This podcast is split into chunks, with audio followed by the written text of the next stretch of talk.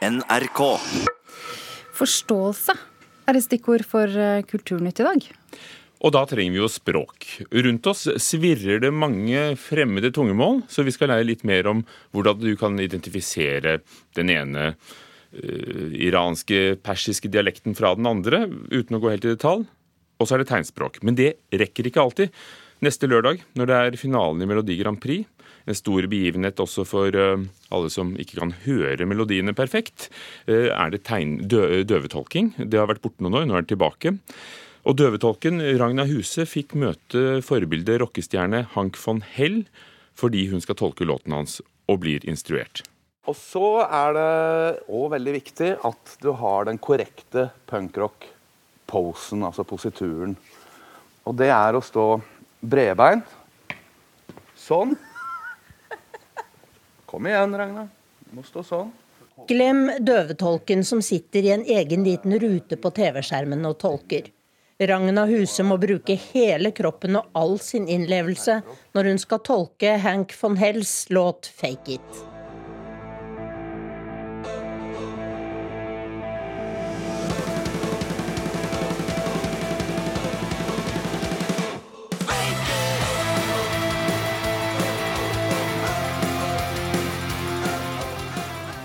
Jeg syns det er kjempespennende og utfordrende.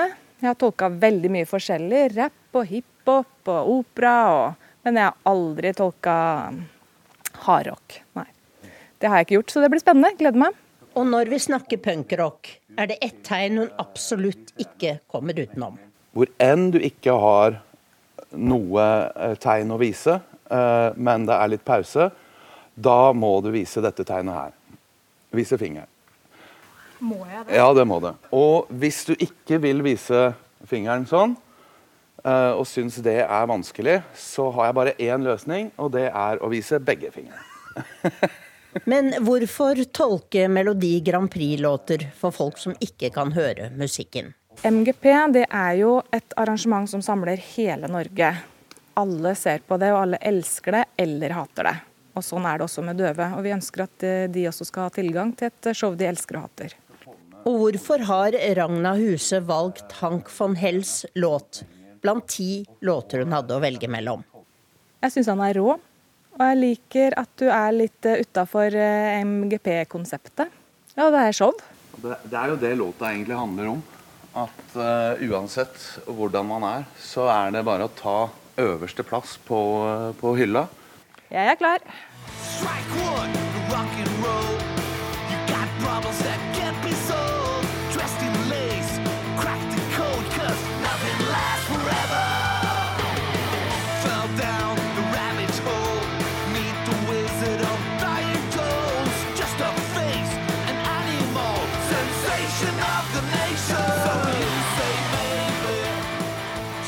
er det feteste jeg har sett på lenge.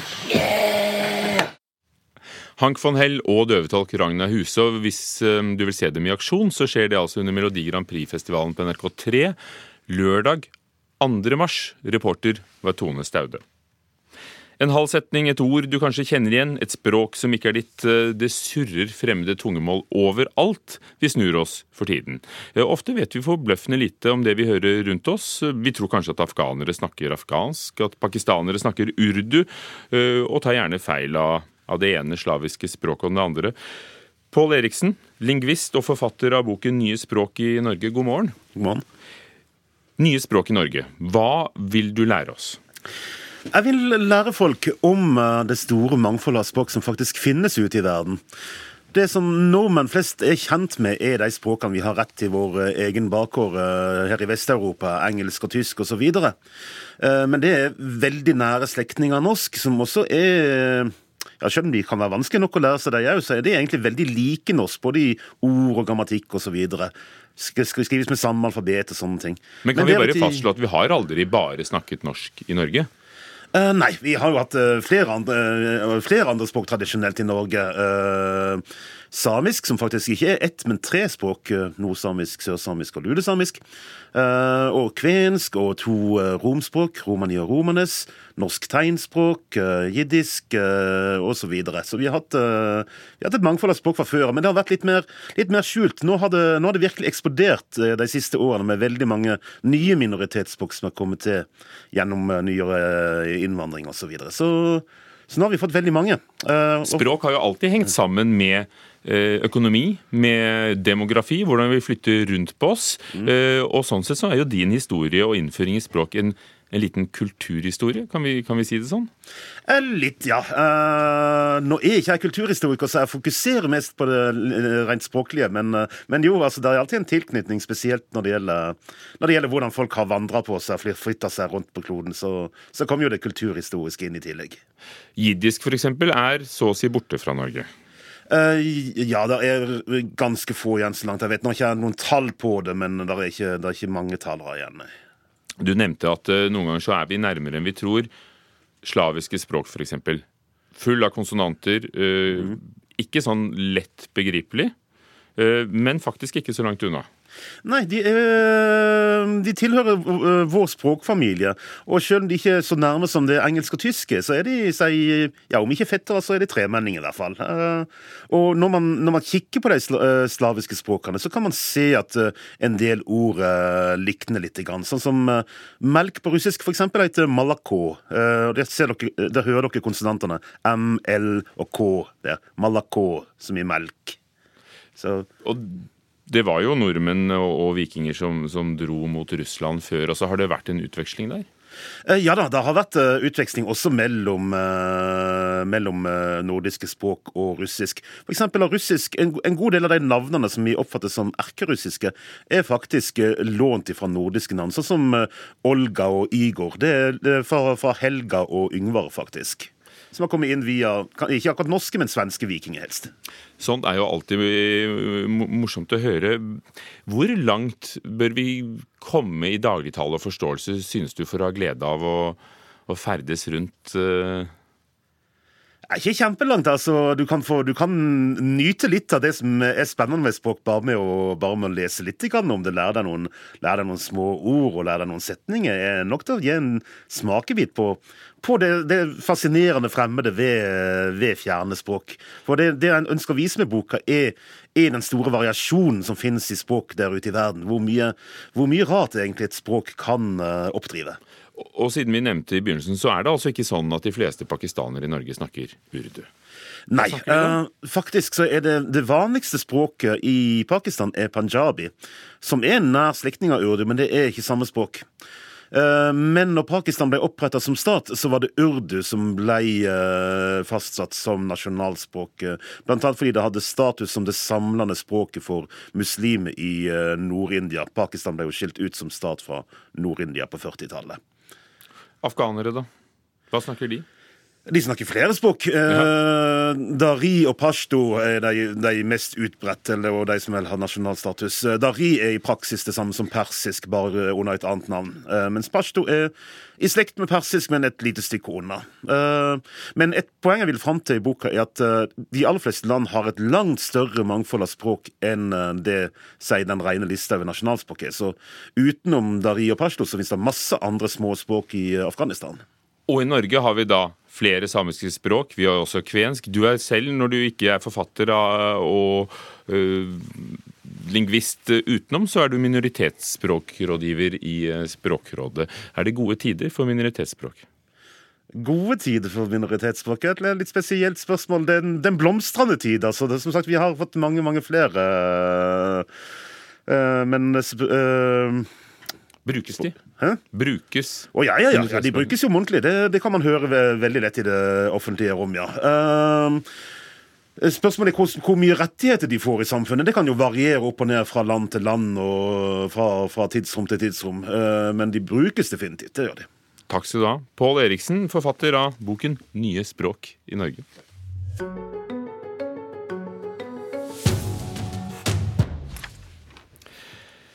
Aftenposten skal kutte ut sitt eh, kulturlegg fra 1. april, og kulturreporter Vibeke Sedekvist. Hvorfor? Klassekampen skriver at kulturbilaget Kulturbylaget kan bli borte da Sara Sørheim blir nyhetsredaktør i NTB, og at Aftenposten er usikre på om de engang skal ha en egen eh, kulturredaktør. Og dette henger jo da sammen med overgangen til det digitale. Andre skipsstedaviser som Adresseavisen og Stavanger Aftenblad har ikke lenger egne kulturredaktører.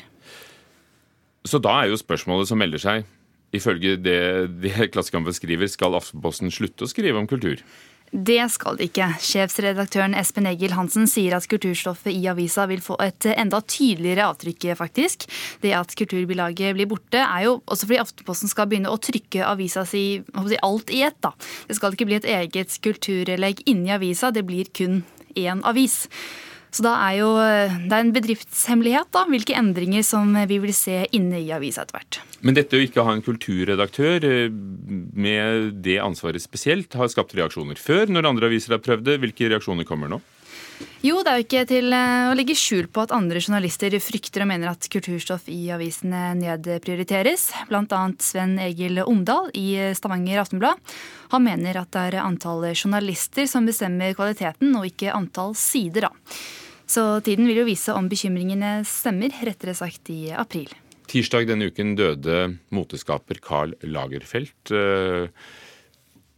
Eh, et viden kjent navn, en levende legende med hår i hestehale og store solbriller. Og nå har noen også lurt på hvem som arver ham. Ja, han er jo verdt eh, Han er god for en del penger, eh, denne mannen. Faktisk 1,5 milliarder norske kroner. Så spørsmålet er jo hvem skal arve etter han. Eh, designeren giftet seg aldri, fikk heller aldri barn, men i fjor så sa han at hans elskede katt Chopette var en god kandidat til å arve. Og nå som han eh, har gått bort, så begynner jo mediene å skrive om dette. La oss høre Karl Lagerfeldt snakke om Choupette. I never thought that I would fall in love like this with a cat. Han trodde ja. aldri han, at han skulle forelske seg sånn i katten. Han fikk den egentlig i pensjon, og så ble den værende. Og til slutt hadde den 100 000 følgere på Instagram. Men, men kan den virkelig bli arvingen? Vel, Det er jo et litt sånt eh, juridisk spørsmål jeg ikke har beveget meg sånn eh, veldig mye inn på. Men Chopet har jo vært med på mange fotoseanser og reklamer. Og er jo, eh, har tjent en del penger selv, faktisk 28 millioner kroner. Altså er gode tider for katten. Og, og den franske avisen Le Figaro påpeker at i Frankrike kan ikke dyr være juridiske personer. Men, men så sa Karl Lagerfeldt en gang men det gjør ikke noe, for jeg er jo ikke fransk. Men vi får se og overlate det til, til juristene i Frankrike. Det er filmpremieretid hver fredag fylles uh, Filmen uh, fylles altså, unnskyld meg, norske kinoer uh, med filmpremierer. Og 'Burning' er en av filmene som vår kritiker Birger Vestmo har sett. Den um, ble, fikk pris under, under Film fra sør, blant annet. 저한텐 세상이 수수께끼 같아요. Lidenskap, begjær og sjalusi vaker under en mistenkelig stille overflate i den sørkoreanske filmen Burning, regissert av Lee Chang-dong, kjent for poesi. Historien er løst basert på Haruki Murakamis 1983-novelle Brenne lover, som hadde visse tematiske paralleller til William Faulkners 1939-novelle med samme navn. Filmen skildrer et anspent trekantforhold, der uavklarte relasjoner skaper indre spenninger og ender opp i et mysterium som kan tolkes på flere måter. Dette er filmkunst av høy klasse, der stemninga får utspille seg i sitt eget tempo, der figurenes motivasjoner holdes skjult, og der publikum må dekode signalene som blir gitt, for å finne ut hva som egentlig kan ha skjedd. Burning er et kvalitetsdrama der lavmælte konflikter vekker sterke følelser. 여자친구 있어? 여자친구 없는데. 그럼 어떡해? 이거 여자용 손목시계인데. 이제부터 구해야겠네. Jung-su, spilt av Ah Hin-yo, møter Hei-mi, spilt av Jung Seo-yun, på gata i Seoul. Hun påstår at de kommer fra samme sted, nær grensa til Nord-Korea, og var perifere bekjente da de var barn, noe Jung-su ikke husker. De innleder et kort forhold, hvorpå Hei-mi drar på en planlagt tur til Afrika og ber Jung-su passe katten hennes. Når hun kommer tilbake, har hun med seg Ben, spilt av Steven Jon, som hun traff på reisa. Hver gang Jung-Su møter Heimi i tida etter, er Ben alltid med, men det er uklart hvor dypt vennskapet egentlig stikker. Og etter at de besøker Jung-Su i hans barndomshjem, tar handlinga en ny vending som reiser flere spørsmål. 혹시 혜미하고 연락되세요? 저는 연락이 안 돼서요 한 달째. 그렇죠. 나도 걔 연락이 안 돼요. 혜미는 그냥 연기처럼 사라졌어요. Det er flere ting som brenner i Burning, både hjerter og andre konstruksjoner. Det refereres på et tidspunkt til F. Scott Fitzgeralds Den store Gatsby i filmen, og den kjente romanens trekantdrama gjenspeiles tydelig, med en mindre bemidla figur som blir nærmest besatt av en rik, kjekk mann, og kvinnen som er deres bindeledd. Filmen gir oss en sterk følelse av at noe ikke helt stemmer, uten at det er så enkelt å sette fingeren på nøyaktig hva det er. Mysteriet som utfolder seg, har ingen klare svar eller løsninger, og kan tolkes fritt. Det gjør Burning til en interessant film som utfordrer publikum. Li Chang-dong har regissert et nydelig drama med sterke skuespillerprestasjoner, flere godt observerte øyeblikk og en brå avslutning som utløser spenninga, samtidig som den skaper en viss ambivalens. 저기 저 너머가 북한이잖아. 아, 재밌네. Sørkoreanske Burning, som altså fikk eh, kritikerprisen i Cannes i fjor, anmeldt av Birge Vestmo. Norgespremieren er i morgen.